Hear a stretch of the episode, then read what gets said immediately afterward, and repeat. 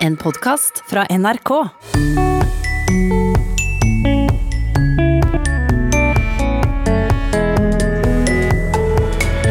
Han har skrevet ordbøker i over 20 år og sier sjøl at han er en ordnerd. Ja, det, det må jeg vel kanskje kunne si. Ja. Nå lanserer han en ny, større og digital versjon av den store bokmålsordboka.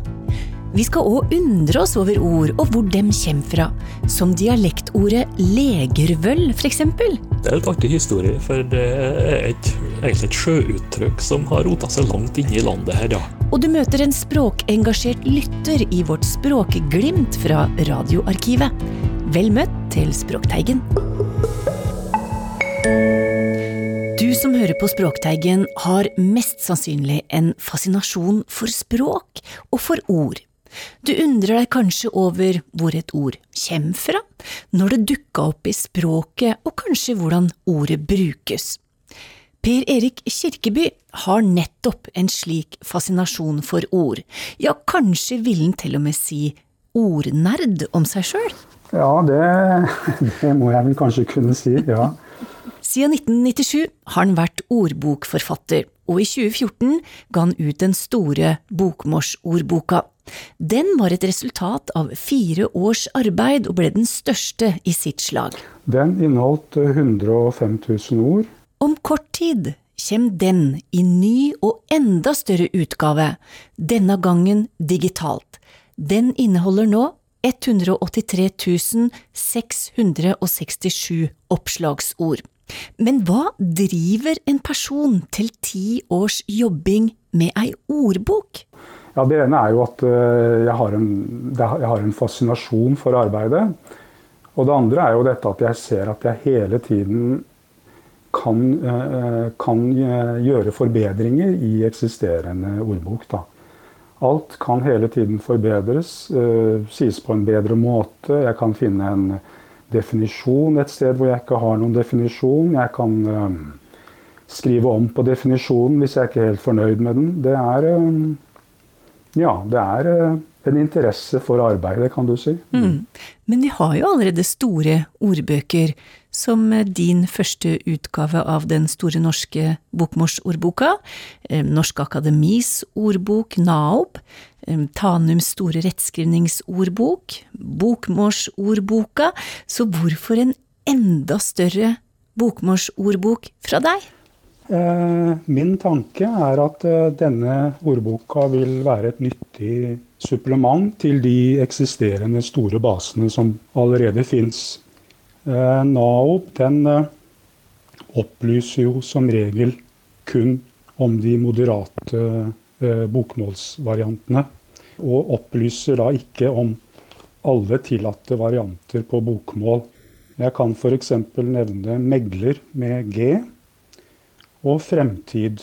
Hvis man slår opp på de to ordene, så finner man da ikke megler med K, og heller ikke framtid.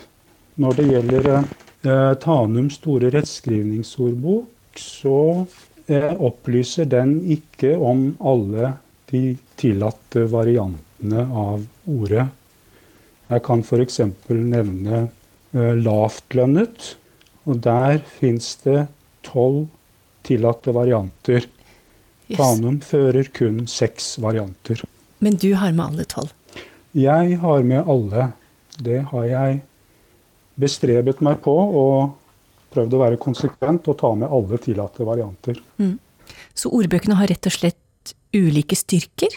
Ja, det er det jeg tenker. Altså, det er uh, ofte vanskelig å, å, si at den ene ordboka er bedre enn den andre, men altså Ordbøker har sin styrke på forskjellige områder. Hva er din styrke, da?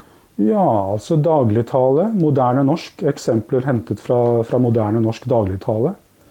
Ja, moderne norsk generelt sett vil jeg si er en styrke, og kanskje i tillegg etikettering, altså at jeg opplyser om stilnivå.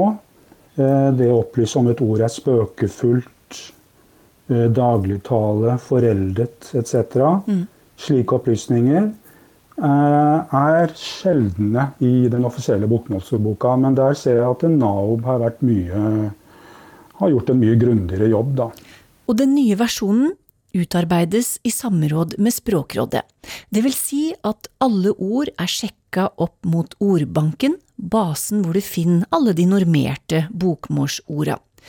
Og den nye utgaven inneholder òg noe helt nytt i ordboksammenheng, nemlig en egen fargekode på hvert ord. En grønn, en gul og en rød kode. Hvis man da slår opp et ord som vises med grønn fargekode, så vil man få følgende tekst Ordet fins i ordbanken. Og så har du da en tilsvarende gul fargekode. Ordet fins ikke i ordbanken, men det er i alminnelig bruk. Hvis man slår opp på blokkere med én K, så vil man se en rød fargekode. Og da, i denne teksten som fremkommer, så står det 'ikke godkjent skrivemåte'. Og her vil man da finne en henvisning til korrekt skrivemåte, blokkere med to k-er da. Og det som overraska Per Erik Kirkeby mest i arbeidet denne gangen, var nettopp oppdagelsen av hvor mange dagligdagse ord i språket som ikke er normert, og derfor ikke fantes i ordbanken. Det, det undret meg veldig at man har da vært så forsiktig med å normere ord som er i alminnelig bruk. Derfor syns han dette med fargekoder var en god idé. Ja, Den store bokmålsordboka er jo en, en, en rikholdig ordbok med, med, veldig mange ord. Og da vi begynte med, med bokstaven A, så var det jo et problem at nesten halvparten av ordene i, i, i bokstaven A ikke fins i ordbanken. Og da syns jeg også at det vil være interessant for kanskje brukerne å, å, kunne se hvilke ord det faktisk er som er normert i det norske språket, og hvilke som ikke er det. Det oppstår jo hele tida nye ord. Men hvordan forholder en ordbokforfatter seg til dem? Tar han med alle nyord han hører om? Mm, nei, men jeg, jeg, vil som sagt, eh, fordi en del av de nyordene er eh, kanskje litt det vi kan kalle for døgnfluer. da. Eh, det er grunnen til at jeg muligens er litt, litt, litt konservativ da, når det gjelder å ta de med. Hva skal til da, for at du tar det med i ordboka? Som hovedregel så vil jeg la det gå Jeg vil vente til ordet er blitt innarbeidet i språket før jeg tar det, tar det inn i ordboka. da. Men hvordan plukker du opp de nye orda? Ja, jeg, jeg, følger jo med da i, i aviser og på TV og, og, i bøker, og registrerer jo da ord som dukker opp. Eh, nå i forbindelse med korona så har vi jo fått veldig mange nye ord, og, og da, da, tar jeg de med. Så nå er f.eks. koronafast er tatt med. Selv om det er relativt nytt ord, det er jo bare noen måneder eh, gammelt så vil jeg ta det med. Og det er jo fordi vi, vi har et tilsvarende ord. Da tenker jeg på askefast. Mm. Dette å skrive ordbøker er altså ikke helt nytt for Per Erik Kirkeby. Han har holdt på med det i 23 år. Men først var han forlagsmann, sammen med pappa Willy, som òg var ordbokforfatter. Eh, forhistorien der er at eh, faren min eh, ble fristilt fra Kunnskapsforlaget mot slutten av 90-tallet. Eh, og da etablerte vi et, et, forlag som tok sikte på å utgi samtlige av hans utgivelser og, og, og utvikle nye produkter. Mm. Og det var i den forbindelse at jeg begynte med, med ordbokarbeid. Da. Og det, det, var noe som interesserte meg, og det var noe jeg ønsket å fortsette med. da og denne interessen førte altså til at han havna i fars fotspor. Ja, vi ga ut Den første ordboka vi ga ut, var en uh, norsk, engelsk, engelsk-norsk for, uh, for, grunnskolen. Uh, og så fulgte vi opp med en for videregående. Og i 2001 så publiserte vi English Swahili Dictionary. Mm. Det var eh, Med, med Norads støtte så, så, laget vi da en, eh, en engelsk swahili-ordbok. Fra før så fantes det da kun en uh, English Swahili Dictionary av Oxford University Press fra kolonitiden fra 30-tallet. Så Det var behov for en, en større engelsk swahili, og den ble faktisk da godkjent av det nasjonale språkrådet for eh, swahili i Tanzania. Så mange år, så mange ordbøker, så mye møysommelig arbeid, ikke bare med ordene, men òg med finansiering av utgivelse av ordene. Da må det en stor porsjon tålmodighet til? Ja, den tålmodigheten har nok eh, blitt oppøvd, eh, tenker jeg, altså gjennom mange år med, med ordbokarbeid.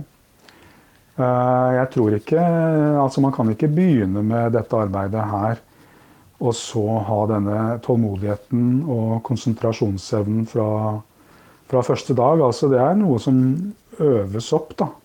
Så det blir vel som med andre typer håndverk. ikke sant? At du, du blir flink etter hvert. da. Du øver, øver deg opp. Ja, det sa ordbokforfatter Per Erik Kirkeby, som altså er i innspurten på en ny og større versjon av den store bokmålsordboka.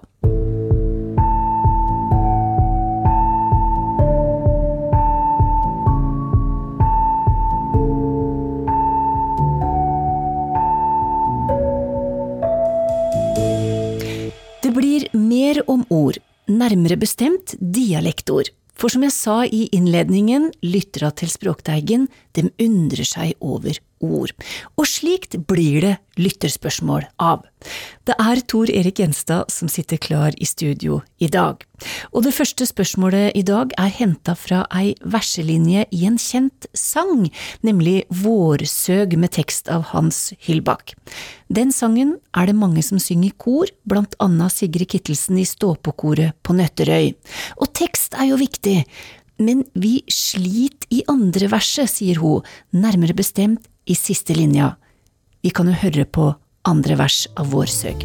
Når sommeren kjem, da blir det fint he fjella. Da skal jeg dit og hør hvor bekkjing søng.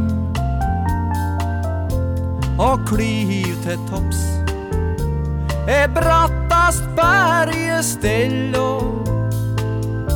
Og vea gras og tort og tog togbærlyng. Og vea gras og tort og togbærlyng synger Vårsøg i sin utgave. Sigrid har en tekst hvor det står å vea tort og tog og togbærlyng. Men uansett så lurer hun på hva er det jeg-personen i sangen skal gjøre her? Velte seg i tyttebærlyng, eller? Ja, eh, som nordmøring så bør det nå være bra hjem her. Og jeg har fått spørsmål om det der egentlig mange ganger fra eh, korfolk som lurer på hva i verden det er de driver og synger på. Nå er det et par eh, varianter på den linja, så jeg er ikke helt sikker på hva som eh, hva Hans Hyllbakk egentlig har ment. Eh, Men altså, i samlinga Etterakster fra 1966 så står det 'Vea gras og tort og togbærlyng'. Men eh, annen diktsamling så står det altså det her vea tort og tog og, og togbeløg. Men jeg tror kanskje vea gras eh, gir best mening. Sånn skitt. Og vea, det er jo å vasse og vade.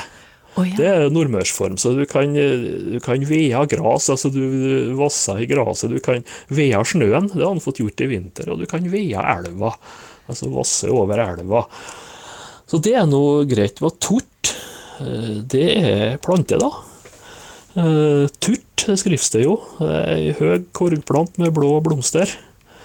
Og det, du har mange navn. eh, Det der Tortlia kan det hete mange plasser, og, og vel også det her Turtagrø. Ja, Det er vel egentlig en plass der det vokser turt. Så det er den. Og, og togbær, eh, og løgn, da, togbær det er jo en bærsort. eh, Kanskje mer kjent som teiebær. Det er slike lange utløpere han, men det er kanskje en bærsort som ikke er så kjølig mye kjent, da. Så det er, det er ute, i, ute i naturen. Jeg gleder seg til å komme ut i naturen og vasse i den vegetasjonen som er.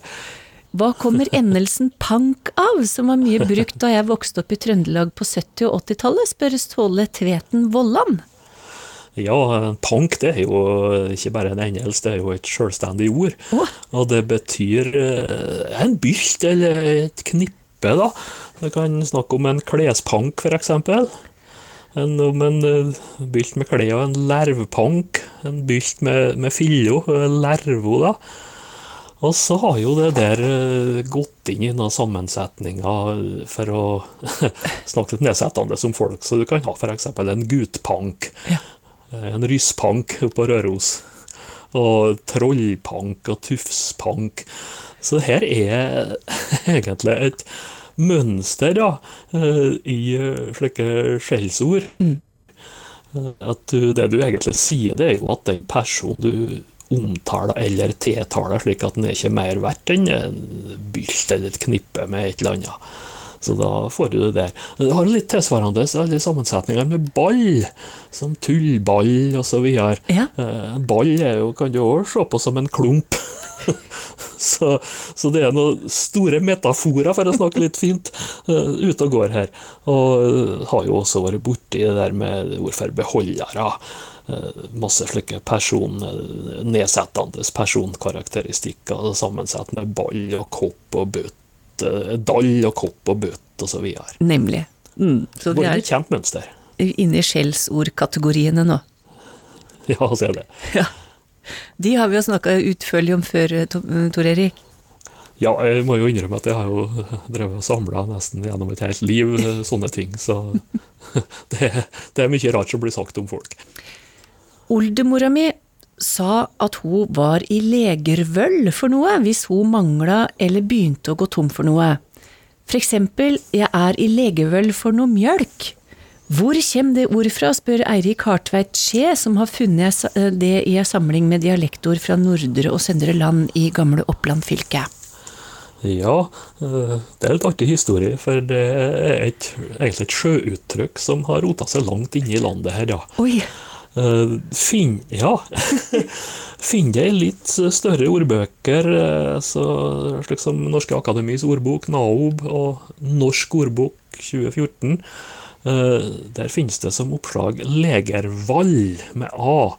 Men det er jo litt varianter her. Legervøll, her da Legervoll har jeg òg vært borti. Uh, og det, det er nå i grunnen i dag et sjelden dialektord.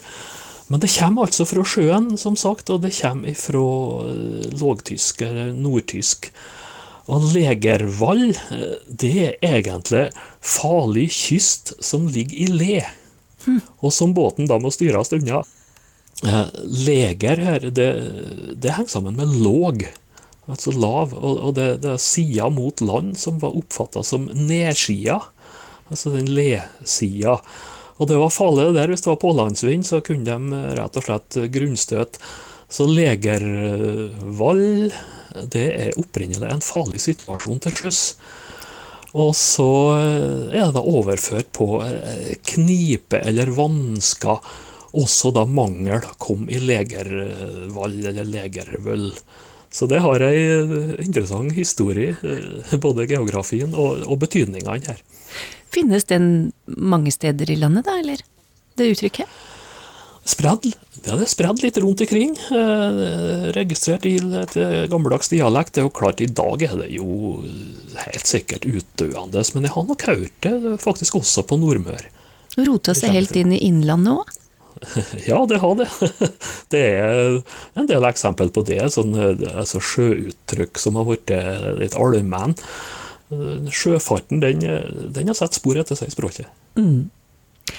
Faren min brukte uttrykket førk eller gutførk om smågutta da jeg vokste opp, og faren min, han var fra Kongsvinger-distriktet. Uttrykket førkje om småjenter, det kjenner kanskje flere. Men hva betyr førk eller førkje, og hva er opprinnelsen her, spør Finn Wang. Tja, regner med at førk her, det er sikkert ei uttaleform av et ord som vi finner som furk eller fork, altså med u eller o. Eh, Og det ser ut til at i utgangspunktet så kan det bety en litt grov staur, eller en lurk. Og så er det da kommet over på folk, altså en stor eller tjukk kar, en før voksen kar. Eh, Det går ganske vidt ikring. Og så er det vel da blitt en slags litt spøkefull nevning på guttunger.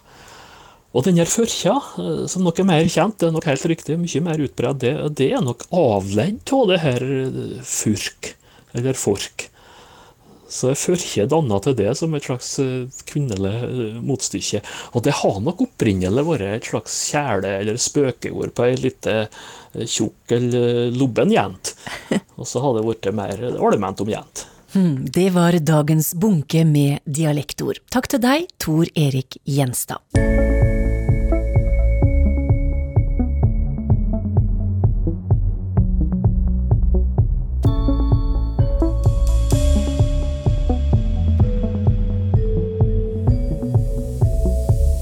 I sommer bruker vi noe av Språkteigens sendetid på å lete etter flotte øyeblikk i NRKs radioprogrammer om språk. Og Knut Knutsen Eigeland, i dag så skal vi til NRKs første språkprogram, Språkrøret, som var på lufta i 1974. Ja, dette programmet var fylt kun av lytternes spørsmål om språk. Og eh, programmet ble fra starten av i 1974 faktisk bare sendt eh, hver fjerde uke. I dag er vi jo vant til at radioprogrammer i det minste sendes ukentlig. Mm, og i 1984 var det med andre ord tiårsjubileum. Ja, og da fikk lytterne høre eksempler på hva slags spørsmål Språkrøret hadde fått inn. Når brukes henholdsvis ordene fungere og funksjonere? Jeg har inntrykk av at de brukes om hverandre. Rett som det er hører man uttrykk som fryktelig vakker, fryktelig godt osv. Det går da vel ikke an å si det? Fryktelig vakker, det motsier jo seg selv. Jeg hører meget ofte dagens yngre generasjon seg imellom bruke uttrykket å drite seg ut. La meg straks si at jeg synes det er et på alle måter uskjønt uttrykk, etter min gammeldagse språklærdom og bruk. Men det jeg undres på, og ikke har fått meg til å spørre de unge om, er hva betyr ordet, uttrykket, i dag? Jeg gjetter på å skjemme seg ut. Et hespetre har vært og er et nyttig redskap når garnet skal legges i hesper. Men hvis man kaller et medmenneske et hespetre, så blir det ikke mottatt med takk. Hva kommer det av at et så nyttig redskap blir til et skjellsord? Else Michelet og Nils Nordberg leste, og programleder Olav Vesaas og språkprofessor Finn Erik Vinje møtte òg en svært ivrig lytter. Ja, de dro hjem til Åse Lund, som da, i 1984, var over 80 år og var svært opptatt av eh, et levende språk. Fordi, For det første er jo språket det er jo et kontaktpunkt mellom mennesker. Det formidler både tanker og følelser. Og, og så er språk noe levende. Og det syns jeg er spennende. Jeg husker et av spørsmålene dine. Eh, du hadde lagt merke til at uh, verbet 'å ratte' forekom i en avis. Ja. Det syntes du var rart. Ja, det syns jeg var rart. Har du blikk for sånt nå? Ja, har, og det har jeg grunn. Jeg har kanskje hatt det litt alltid. Jeg har alltid vært glad i språk. Og har vokst opp med at vi skulle følge med i språket. Fra, ikke minst fra en bestefar som slett ikke var noen filolog, men som var språkinteressert. Han mente at språket betød så meget. Og så er du opptatt av generasjonsforskjeller Ja. i språket, har vi lagt merke til. Det er jeg. Jeg er det, for jeg er jo, jeg er jo over 80 år selv nå, og er jo vokst opp i en annen tid, tid hvor vi skulle tale nydelig og prydelig og tydelig, ikke sant? Syns du det er leit det som skjer nå? At det Nei, ikke er noe nei, særlig? nei, jeg syns ikke det. Nei. Jeg, jeg, jeg, jeg syns det er et levende språk de unge taler. Og jeg, jeg, jeg liker ikke sånn sleivet, akkurat sleivet språk, men jeg liker et levende språk. Og språket skal jo også utvikle seg. Du har jo sendt oss mange språkblomster, som det heter. Hvor er det du finner disse her? Er det i aviser, eller er det ting du hører? Begge deler. Jeg, jeg leser masse aviser. Og der er jeg blitt mer observant ved språkrøret. At når jeg ser noe, så streker jeg under, og så klipper jeg ut, og så sender jeg til språkrøret. Og så blir jeg veldig forbauset over at det virkelig tar det inn, altså. Og vi blir så glad. Vi syns du gjør sånne fine iakttagelser. Ja, det. Og vet dere det at jeg syns at nå når jeg bor, og det må jeg få, få lov til å si, for det ligger meg virkelig på hjertet, nå bor jeg i en trygdebolig. Vi er gamle mennesker fra alle steder i landet. Og noen er blitt nordmenn som har kommet fra fjerne land. Og jeg syns at rent språklig er det spennende. det er spennende at vi har beholdt noe av det vi har fått inn så å si med morsmelken. Det kan være oppe fra Finnmark, det kan være fra Sørlandet, fra Vestlandet og ikke minst da fra min egen del Trøndelag. Og at vi har beholdt det, men at vi samtidig har tilpasset oss ny tid og ny språkbruk. Det er noen som hevder at eh, det har skjedd et språklig forfall. Ja da, det hører jeg så meget, og jeg kunne si mye om det. Jeg skal være veldig forsiktig. Eh, På en måte kan jeg da godt forstå det. Eh, Mennesker som er fastgrodd i det pene, prydelige, nydelige språket vårt, at de syns det er et språklig forfall. Jeg vil ikke sette meg opp mot dem, men jeg mener at et språk skal da leve. Det sa den svært språkentusiastiske radiolytteren Åse Lund til Språkrøret i 1984. Og vi skal holde oss til det årstallet litt til, Knut. Ja, et tema flere lyttere den gang var opptatt av, det var bruken av de og dem. Bruken av de og dem, eller de som, dem som, er et emne som mange har spurt om. Asbjørn Johansen i Trondheim og eh, Helge Ørbø i Kongsberg er blant de, og vi skal høre hva Helge Ørbø skriver. Jeg hører ikke alltid på programmene, men når jeg kommer over et av de, eh, dem, eh, syns jeg aldri dere tar opp denne feilen, som er blant de alvorligste av de, eh, dem alle. Nemlig at flere og flere bytter ut dem med de. Det er ikke bare noen få som gjør denne feilen. Nei, det har etter hvert blitt mange av de, eh, dem. Ikke bare folk på et lavt utdannelsesnivå, altså de, eh, dem det er flest av, men også blant de, eh, dem, de mest velutdannede. Feilen oppstår når dem, eh, de skal uttale seg i massemedia. Da er det om å gjøre å uttale seg så feilfritt som mulig. Man skal iallfall ikke gjøre så mange av de, dem, altså feilene. Man blir usikker på ordet dem og bytter det konsekvent ut med de. Alle synes å bli påvirket av de, dem, og det blir etter hvert så mange av de, eh, dem at jeg synes det er på tide at språkgjøret gjør noe med de, eh, dem. Det finnes sikkert regler for bruken av de, eh, av dem, men jeg kjenner de, eh, dem ikke, og jeg er redd jeg snart ikke skal kunne finne ut av eh, dem selv. Nei, det er ikke så helt uh, fot i hose heller å finne fram i disse reglene. For uh, det er jo sånn at dialektene gjør ikke forskjell, og en må altså vite noe om setningsanalyse for å plassere de uh, og dem riktig. Og det fordrer, å si, et studium. Men regelen står altså fast at hvis, hvis vi har et subjekt, og det har et form av et pronomen i tredje person, flertall, så skal det hete de. De går på gata. Når dette pronomenet er eh, objekt eller står etter en preposisjon, så skal det hete dem. Jeg så på dem, eller jeg så dem. Så reglene er jo for så vidt klare, og nå har altså Språkrøret gjort eh, hva vi kan med saken. Sa Finn Erik Vinje og Olav Vesaas i 1984. Knut, fortsett letinga i radioarkivet, og hva tror du at du finner til neste uke? Du vet hva? Jeg har lyst til å ta et skippertak for maritime ord og uttrykk, og hvordan de har prega språket vårt. Da sier vi skip ohoi, da kanskje? Det er neste Ja. uke. Har du spørsmål til Språkteigen, så kan du sende dem til teigen krøllalfa nrk.no. Det var alt for i dag. Ha det bra.